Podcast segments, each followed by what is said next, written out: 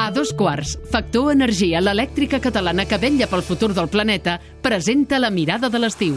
La punt diari de Joaquim Maria Puy, el viatge a una illa de fora de la Mediterrània. Bon dia, audiència. Avui fixem la mirada en les illes de Nova Zelanda, a l'est d'Austràlia. Són les nostres antípodes, el territori del planeta que està més lluny de Catalunya. Les dues illes principals són la del nord i la del sud, separades per l'estret de Cook. La seva superfície és nou vegades la de Catalunya.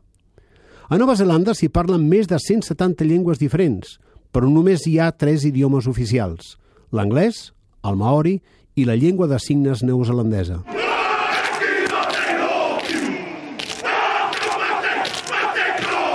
Estem sentint les veus dels jugadors de rugbi de la selecció nacional de Nova Zelanda. Gràcies al ball tradicional maori la haka, que acompanya aquest antic camp de guerra, tot el món coneix els All Blacks i el país que representen. La primera vegada que vaig anar a Auckland, la primera cosa que em va impressionar va ser l'aeroport.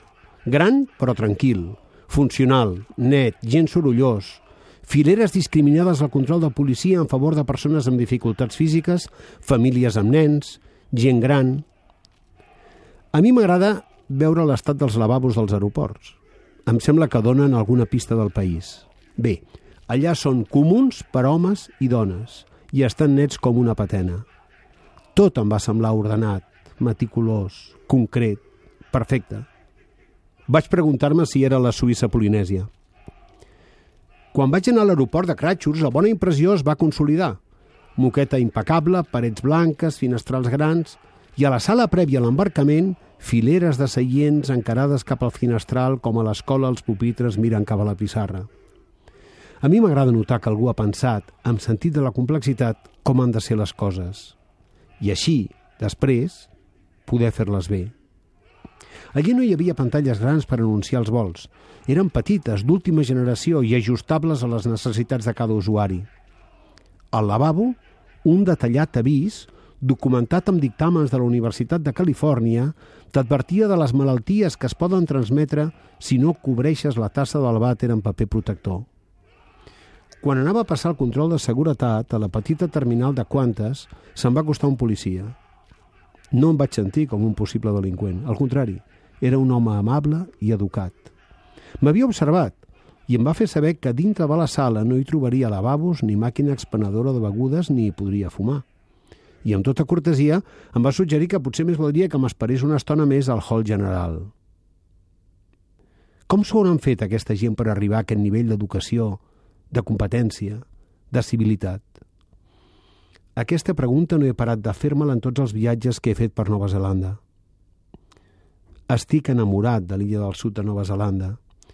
Fins que no vaig anar-hi, pensava sovint que al món no hi havia territoris que, com Catalunya, tinguessin tanta diversitat – muntanyes, platges, rius, planes i llacs en una superfície relativament reduïda.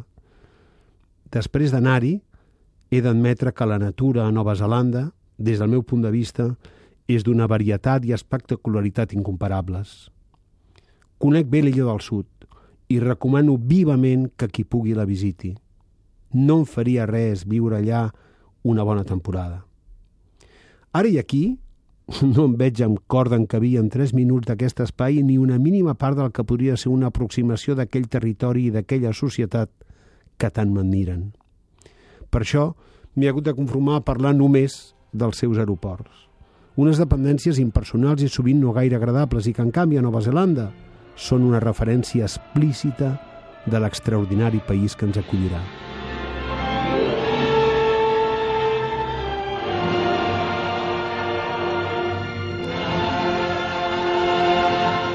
La mirada de l'estiu és una exclusiva de Factor Energia. El cap li girava. Subministren energia i ara ens ajuden a produir-la! No! Sí, i es diu autoconsum. Instal·lació, finançament i autoconsum compartit. Comunitats de veïns, unifamiliars i empreses. Benvinguts a la revolució energètica. Factorenergia.cat Per fi hi ha un altre llum. Factor Energia. Empresa col·laboradora amb la Barcelona Equestrian Challenge.